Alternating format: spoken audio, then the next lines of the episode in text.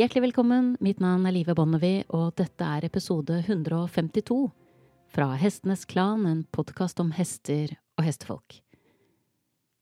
Det er mange ting jeg liker ved å drive en podkast, og en av dem er at jeg får muligheten til å treffe mennesker jeg normalt ikke ville truffet. Mennesker som på ulike måter inspirerer meg, eller som jeg syns åpner nye og interessante perspektiver. Og i dag skal du få møte en av dem. Hun heter Frida Arnesen, og hun beskriver det å være med hester som å være et sted der hun ikke trengte å være noen annen enn den hun er. Eh, en beskrivelse som jeg tror mange hestejenter vil kunne kjenne seg igjen i. Hun beskriver det også som et pusterom der hun får en helt egen ro inni seg. Og det er også noe mange hestejenter kan kjenne seg igjen i. Og så er det mange av oss som føler oss annerledes, eh, og det gjorde Frida også. Og i en alder av 21 år så fikk hun endelig svar på hvorfor.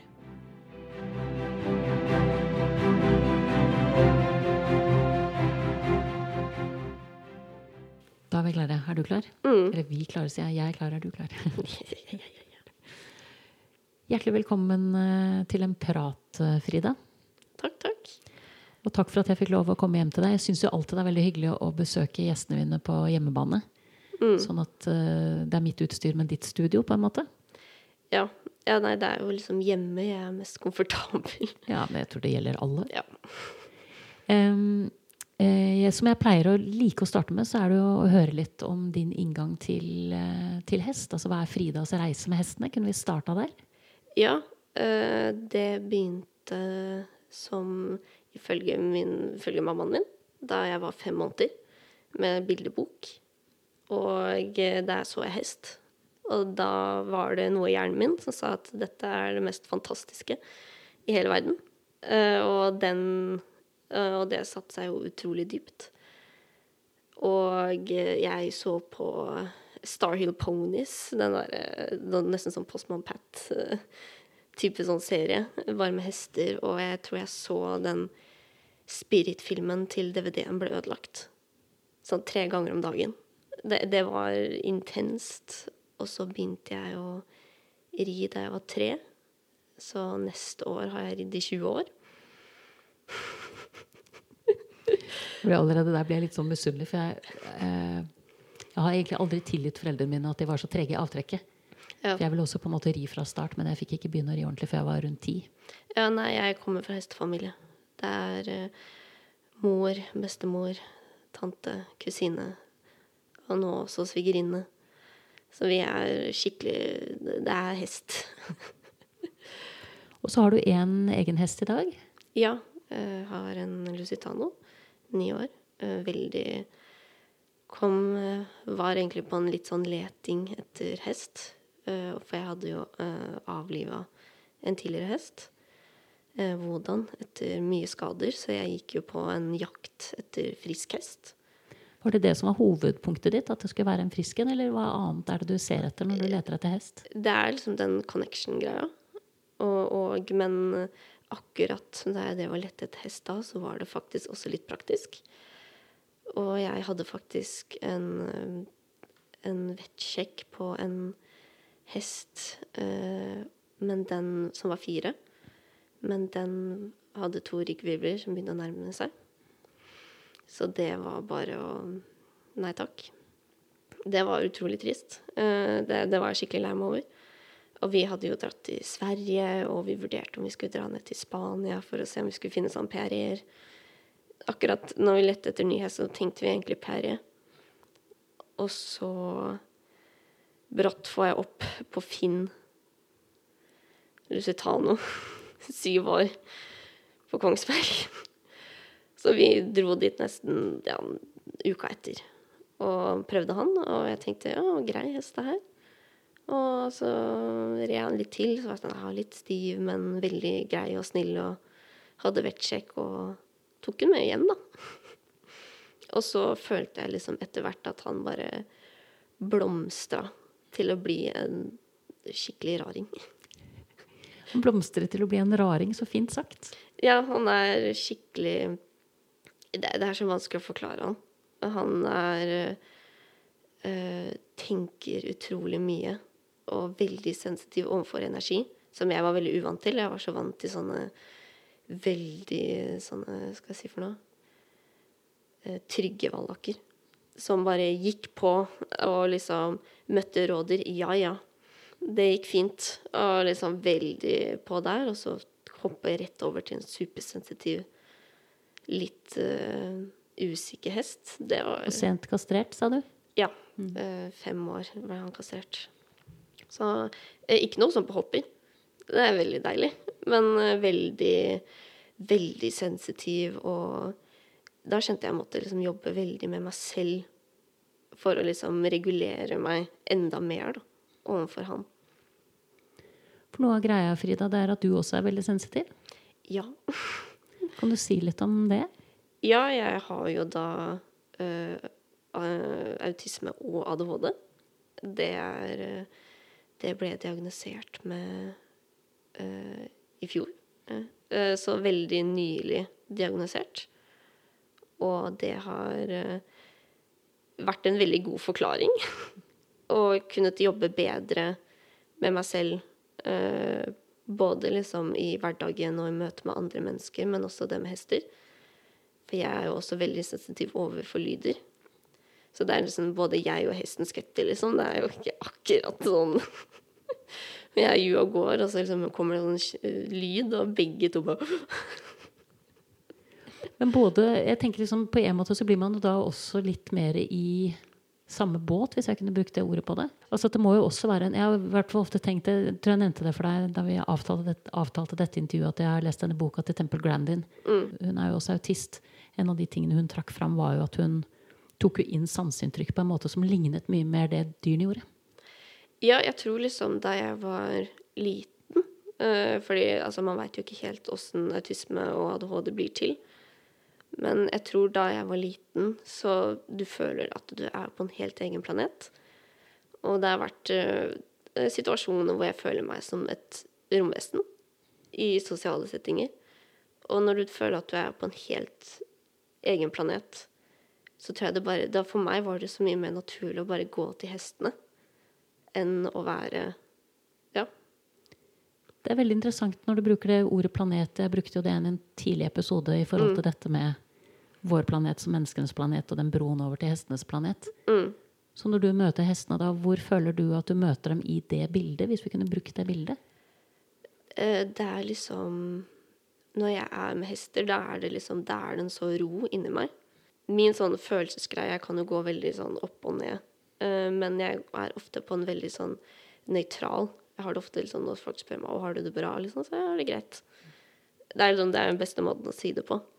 Og når jeg er med hestene, så liksom Ja, det er jo ganger jeg føler at jeg sånn sprudler med glede. Men som ofte så er det bare denne utrolige roen. Og det er som det er ingenting å tenke på. Nå er det bare hest, liksom. Det tenker jeg er en av de viktigste oppgavene, sånn som jeg ser det, som hester gjør for oss.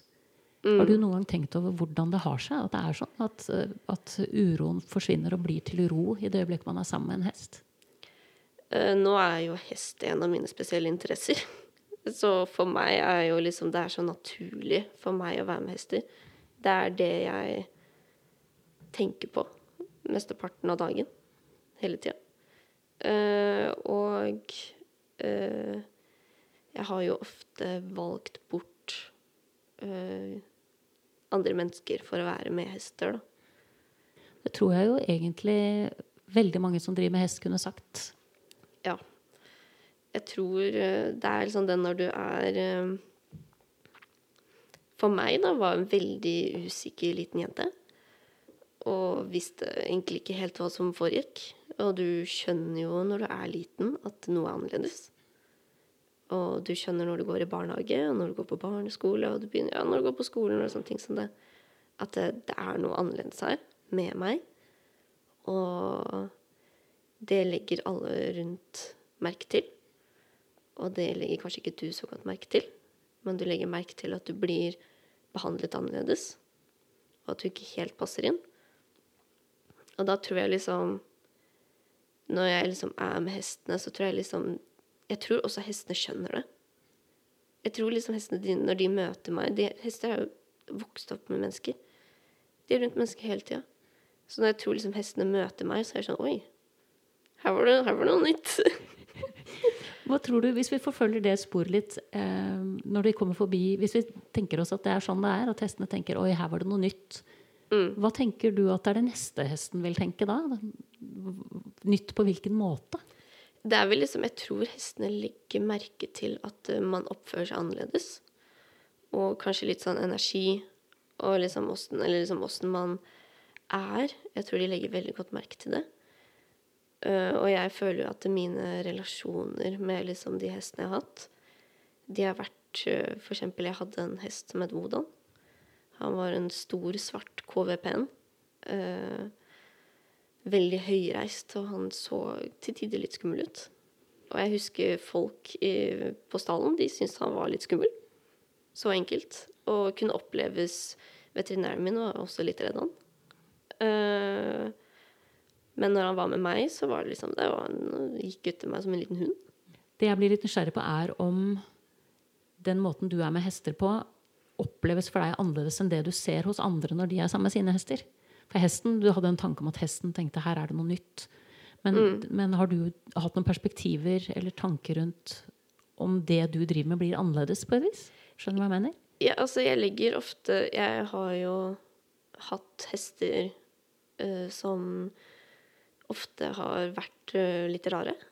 Uh, kan man godt si. Jeg hadde jo en, en hest som het Miller, og han nekta å drikke med mindre bøtta var halvfull.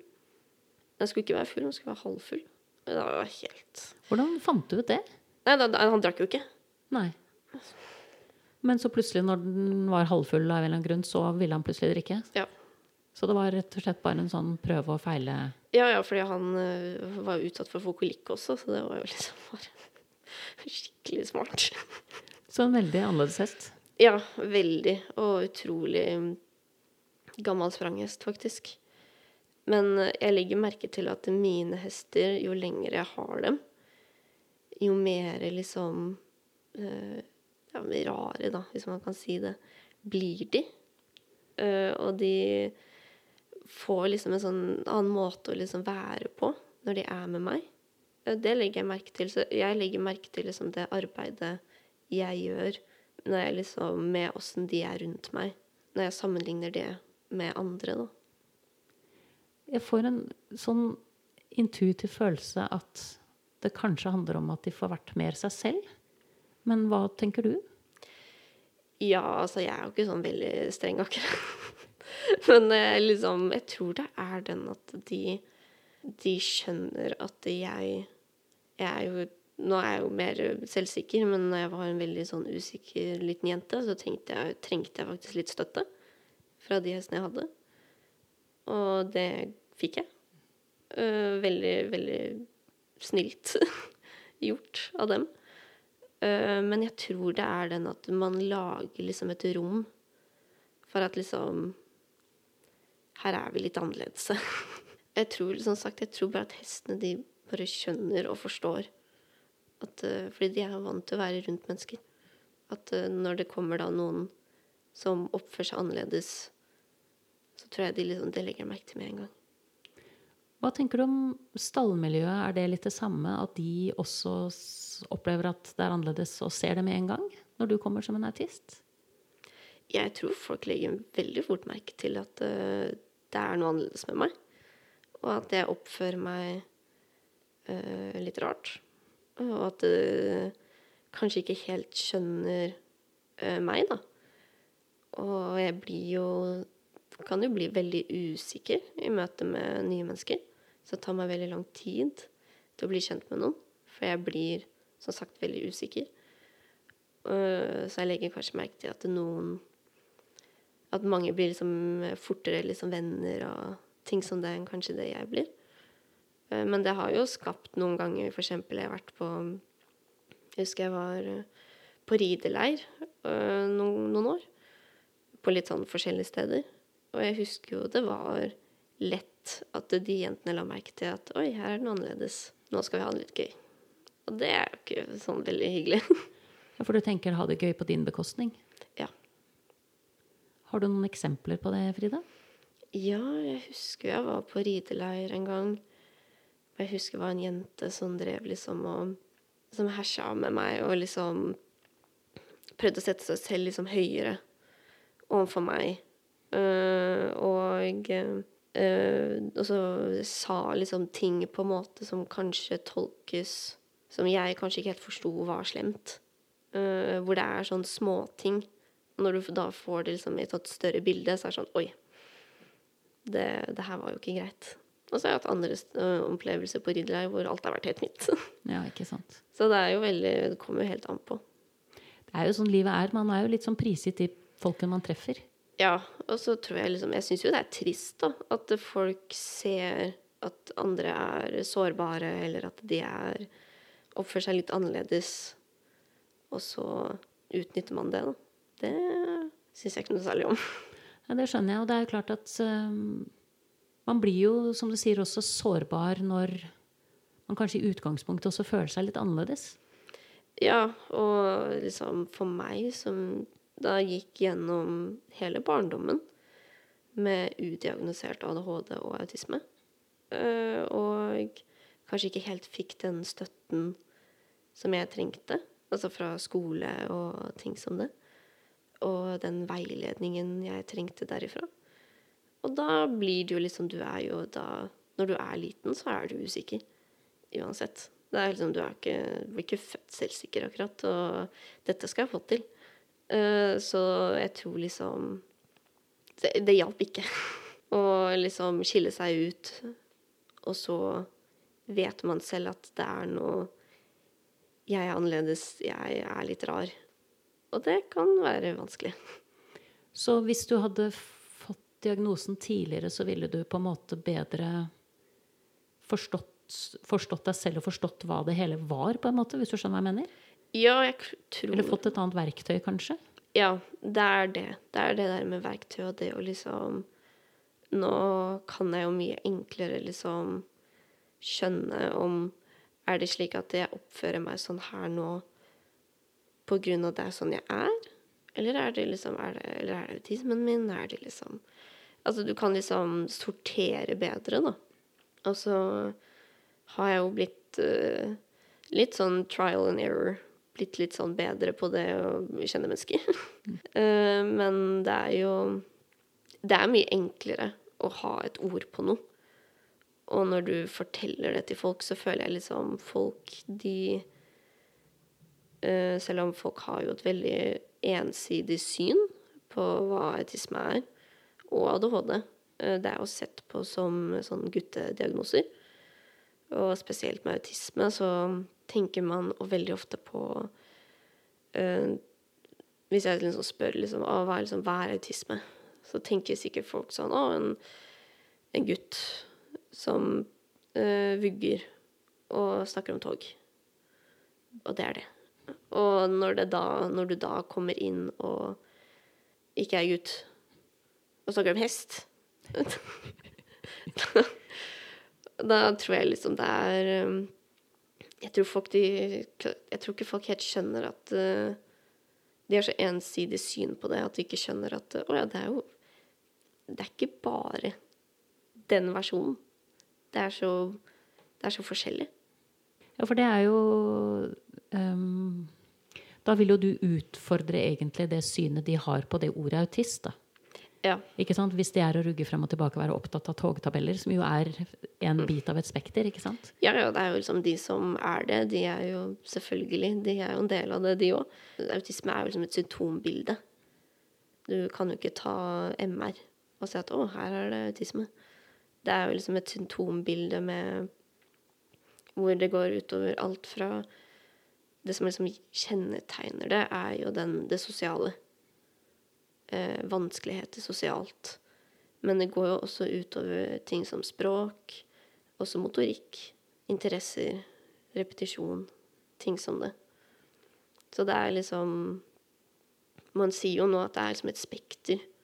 Og så åssen man vil sette dette spekteret. Det kommer jo veldig an på hvem du prater med. Jeg, tenker, jeg klarer ikke la være å tenke at hvis det å være autist kan være at man er, for å bruke det ordet, manisk opptatt av hest, Mm. ikke tenke på noe annet enn det, Mm. føler seg generelt usikker, føler at livet er kaos, føler seg roligere med hesten, Mm, Så kan det være veldig mange som har udiagnostisert autisme i et da. Ja, jeg tenker eh, altså når, Det kan være en ordentlig gjeng av oss som kunne hørt til der. Ja, det, det er liksom hvis du liksom tar ut togtabellen og putter en hest isteden, så blir det jo en helt annen historie. Ja, altså hvis du tar heste, den hestejentestereotypen og bytter ut hest med togtabell Jeg gjorde den øvelsen i hodet mitt mens du snakket, og tenkte at ja, det Ja, det, det er jo. Det er ikke så langt fra. Nei. Og jeg tror liksom Hest er jo så altomslukende, liksom. Det er jo, det er jo en livsstil. Uh, og jeg tror, så sagt, det er utrolig mange jenter der ute som har interesser som er liksom sett på som jentete.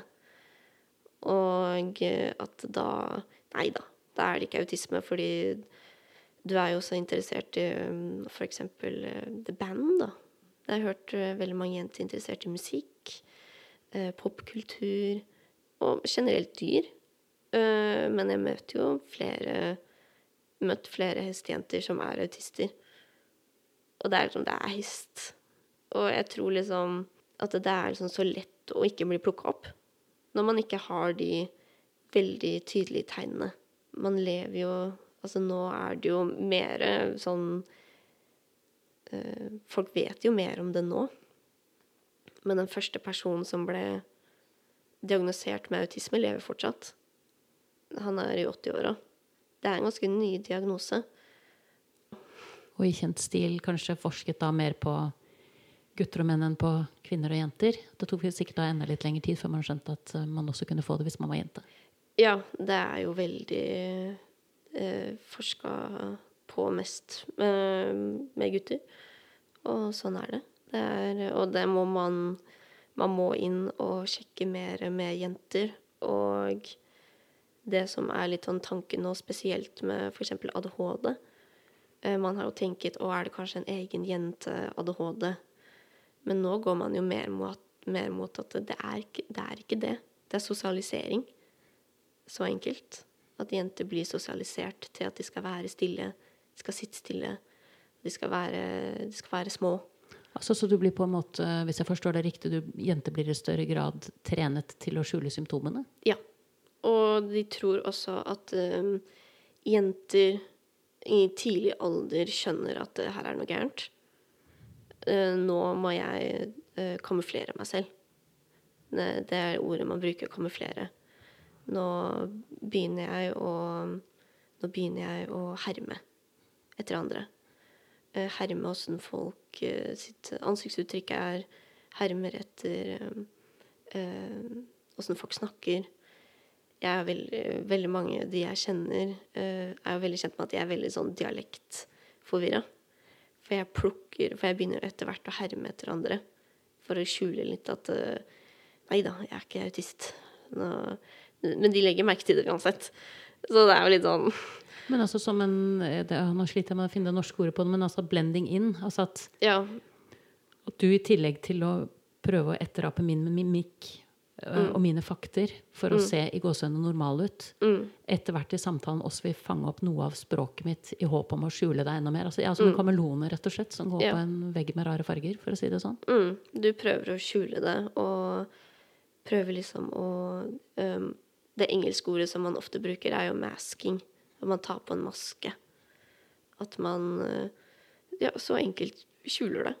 Det er uh, å prøve liksom å gå ut av sin sånn komfortsone med f.eks. øyekontakt, eller man eh, tar ned på eh, noe som heter stimming, som er eh, selvstimulerende eh, bevegelser eller, eller ord eller ting som det. At man prøver hele tida å skru seg selv ned, da. Sånn at eh, du, blir ikke, du blir ikke tatt opp. Så jentene er jo da, som du sier, flinkere antageligvis da, til å både fange opp at det er noe, bli bekymret for at det er noe, og prøve å skjule at det er noe, Ja. enn det gutta gjør. Mm. Det, det tror de. At uh, jenter mye tidligere begynner å kamuflere. At uh, de skjønner at nå er det noe gærent her. Nå må jeg begynne å, nå begynne å gjemme. Og det, det er jo trist. Ja, jeg, og jeg tenker det er trist. Jeg hører din historie og tenker hvor mye ikke sant, man lurer på om man er fra en annen planet, da, Mm. så sier jo det noe om graden av annerledeshet man føler? Ja, jeg har vært i sosiale settinger hvor jeg liksom har fått sånn uh, out of body, heter det. At man liksom føler at man går ut av kroppen sin opplevelse. Da husker jeg en gang jeg var i en sosial setting hvor jeg da følte at det, jeg så ned på meg selv. Og jeg tenkte at herregud, jeg er jo et romvesen. Jeg er ikke som bare ble planta her, liksom. Var det fordi eh, du syns du så noe annet? For du, nå sitter jeg, Det mm. det som er så fint med å ha fysisk intervju hvor man sitter overfor hverandre. Du ser jo definitivt ikke ut som noe romvesen. Nei, nei, nei. Så var det da en følelse av Altså det du, det du, da så, var det mer en sånn følelse av at jeg ser en som ikke passer i den? Ja. Mm. At uh, her er det noe liksom At uh, du legger liksom så merke til at uh, du får egentlig ikke helt til det her. Og det er Det er vanskelig. Det må være kjempetøft. Ja, så jeg føler jo Når jeg er med hestene, da da føler jeg at jeg kan Da er jeg ofte Selvfølgelig, det er jo til tider jeg holder på med hesten, og så er andre der. Men da føler jeg at jeg kan uh, slutte å kamuflere. Jeg trenger ikke å tenke så mye på tonefallet mitt. Jeg kan bare slappe av. Jeg kan bare Jeg trenger ikke å stresse. Det er, det er deilig. Det er som et pusterom. Skikkelig pusterom. Jeg tenker jo at det er den gaven som de gir oss alle. Men det er klart at eh, den situasjonen som du, du beskriver, er jo veldig mye mer sårbar. Så det å ha den gaven i livet sitt da blir jo Jeg tør ikke tenke på Når jeg tenker hvor mye det har vært verdt for meg, da, mm. som egentlig ikke har følt meg ensom på den måten du beskriver, mm.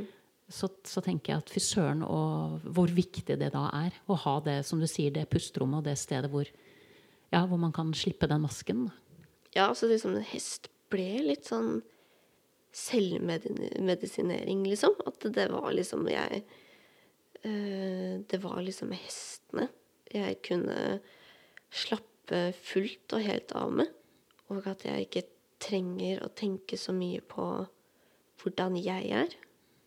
Uh, selvfølgelig, det er jo noen ting du tenker på, liksom, men det er jo ikke den sterke greia med at jeg tenker f.eks. ikke så mye på om jeg høres veldig monoton ut, eller om jeg ser sur ut. For jeg slapper av i ansiktet og liksom ting som det. Og kan kanskje vise ting rundt hestene da, som jeg føler jeg ikke kan vise rundt andre alltid. Og eh, det er noe med det. Det er liksom Det er helt mm. Blir det, når man er i et stallmiljø øh, hvor det er mange som driver med sine greier rundt, og driver med ulike ting rundt. Klarer du da på en måte nærmest, Jeg tenker innimellom når jeg har vært i sånne miljøer hvor det er mye som foregår, hvor jeg har lyst til å på en måte ha det rommet med hesten, mm. at man nesten tenker seg at man har som en sånn glassklokke over seg. Hvor, hvor, man klarer å sjalte det ut, og så er det bare deg og hesten? Eller det, kan det bli utfordrende å være i et, på en måte et travelt, vanlig stallmiljø når du har det sånn? Jeg sto på en veldig travel stall før. Eh, det var veldig slitsomt. Jeg eh, hadde ridskole. Så det var jo masse barn og masse var mye på en gang. Og det, så jeg står jo på en mindre stall nå, hvor folk kommer heller med liksom utover dagen. Så det er ikke ofte at det er sånn veldig mange i stallen samtidig. Og da føler jeg at jeg kan liksom ha min tid, da. Men jeg tror også at folk skjønner at når jeg holder på, da kan jeg være litt vanskelig å få kontakt med. For det er ikke jeg liksom, det er ikke jeg med. Nå er ikke jeg med der. Nå er jeg med i jua. Det kunne man jo egentlig ønske at alle som drev med hest, hadde hatt det sånn. Ja, det er, eh, det er veldig spesiell, spesielt de stundene hvor jeg føler at uh, Jeg husker jo med jua uh, Første gangen jeg red han uten hodelag og ting som det Jeg hadde jo ikke egentlig noe trent på noe med han i halsring. Men vi var liksom ute, og han spiste gress og kosa seg. Så var jeg sånn Nei, sett meg på. Føltes som at det var liksom helt riktig akkurat der og da. Og han gikk jo løs, bare i grimme, og skritta rundt og holdt på. Og det var sånn Da gikk jeg av. Og var sånn sånn. Uten hjelm. Det er ikke lurt. ikke gjør det. Kan du si litt om, om hva slags relasjon du har hatt eh, og har til hest, hestene dine? Veldig dyp. Utrolig. Dyp, dyp på hvilken måte? Jeg føler liksom en så utrolig stor kjærlighet eh, fra begge sider. Eh, føler jeg jo på grunn av denne utrolige roen inni meg. At eh, jeg tror hestene legger også merke til det. Eh, at de liksom da blir sånn rolige og liksom greie og sånt. Og så er jeg også egentlig veldig leken fortsatt. Så vi leker og koser oss og er litt barnslige. På hvilken måte leker du med hestene dine? Det, det er liksom bare å liksom øke energien og liksom Bare kose seg. Det er liksom Det er, det er den. Bare kose seg. Ja, nei, jeg skulle egentlig kom egentlig på noe annet jeg skulle si, og så glemmer jeg det. Det er irriterende. Ja, men vi, Den får vi tak i. Ja, ja, ja. Åh, det var noe Husker du Nei, men det ble jeg nysgjerrig på, for jeg tror det var vesentlig.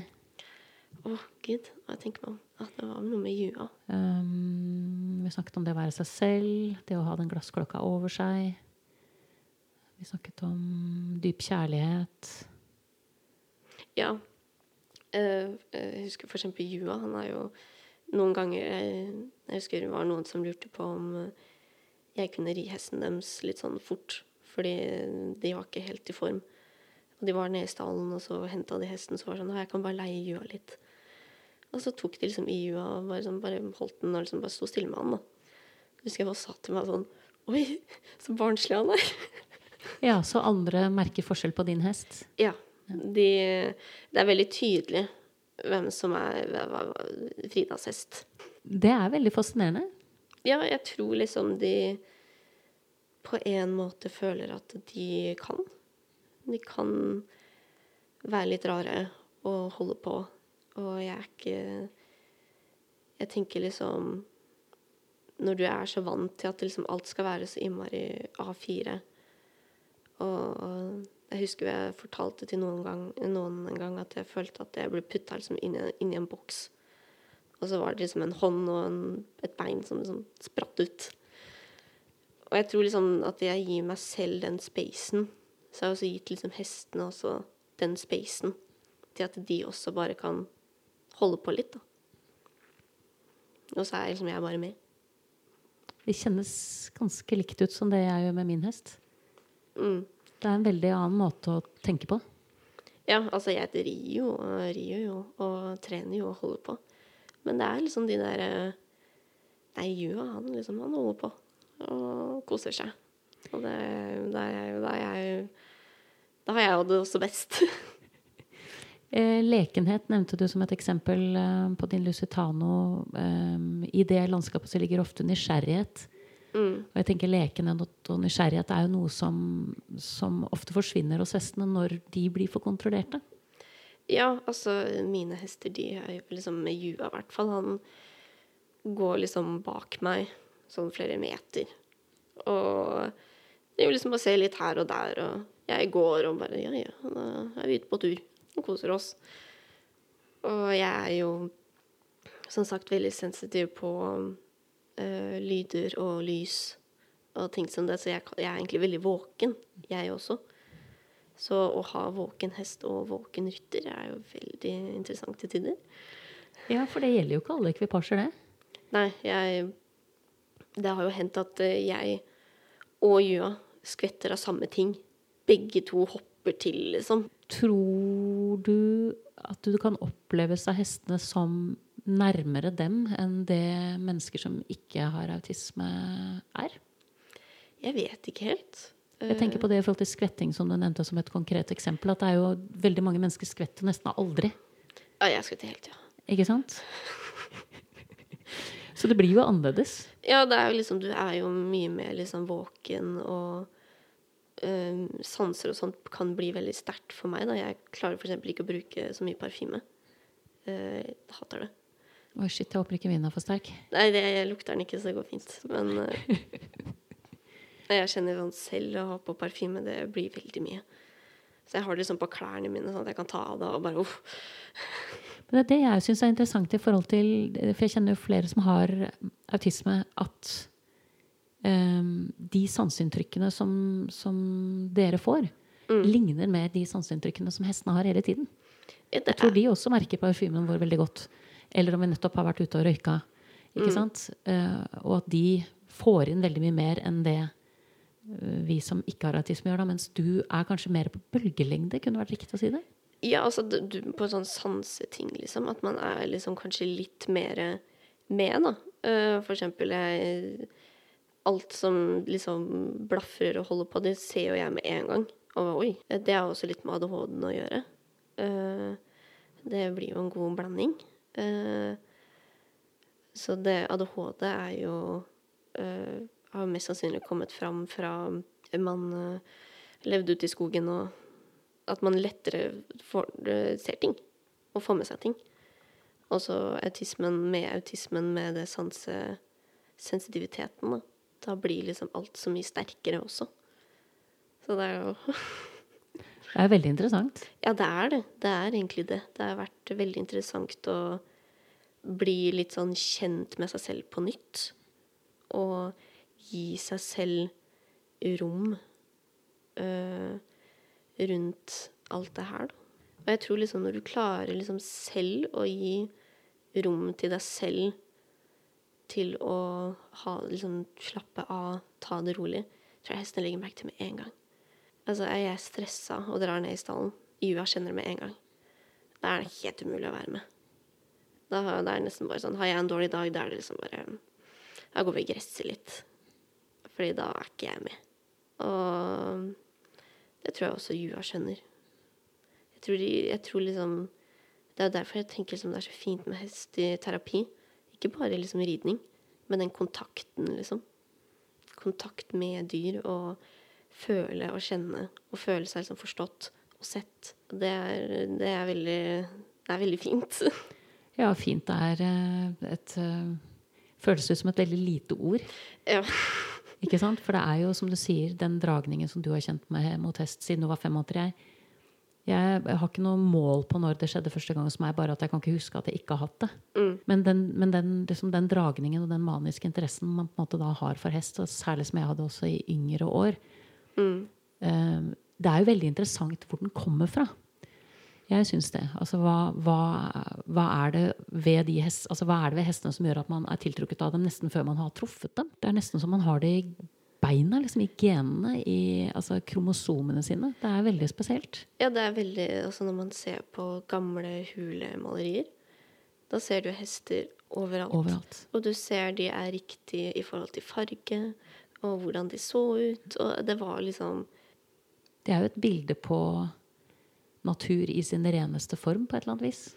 Ja, altså, du får jo liksom Det er noen, med, noen ting med hester, for eksempel liksom, tilknytningen de har med alt rundt seg, den, den er der.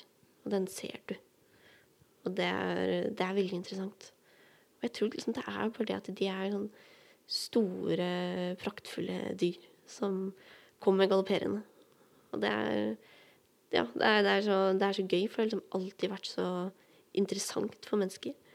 Uansett om det er Om vi gikk rundt med steinøks, liksom. Det har alltid vært. Menneskets uh, viktigste venn, ja. tenker jeg. Mm, det er jo Nei, det er helt sånn Ja, det er utrolig interessant også å se tilbake i historien og mytologi og sånne ting sånn Du ser jo som, du ser hester overalt. Også veldig ofte knytta til åndeverdenen, til overgangen mellom liv og død. Ja. I forhold til mytologi og sånn. Så bare se også hvor de er plassert i forhold til um, himmelhvelvingen og natt og dag, altså i norrøn mytologi. Det er jo utrolig fascinerende at de er overalt og så sentralt plassert i vår, uh, vår historie.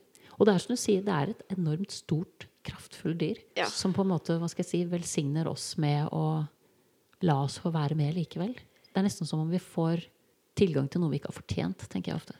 Jeg, jeg tror hester de aksepterer så utrolig mye og tilgir utrolig mye. Eh, at det blir litt sånn Til tider skjønner jeg ikke helt. De, de er så liksom gode.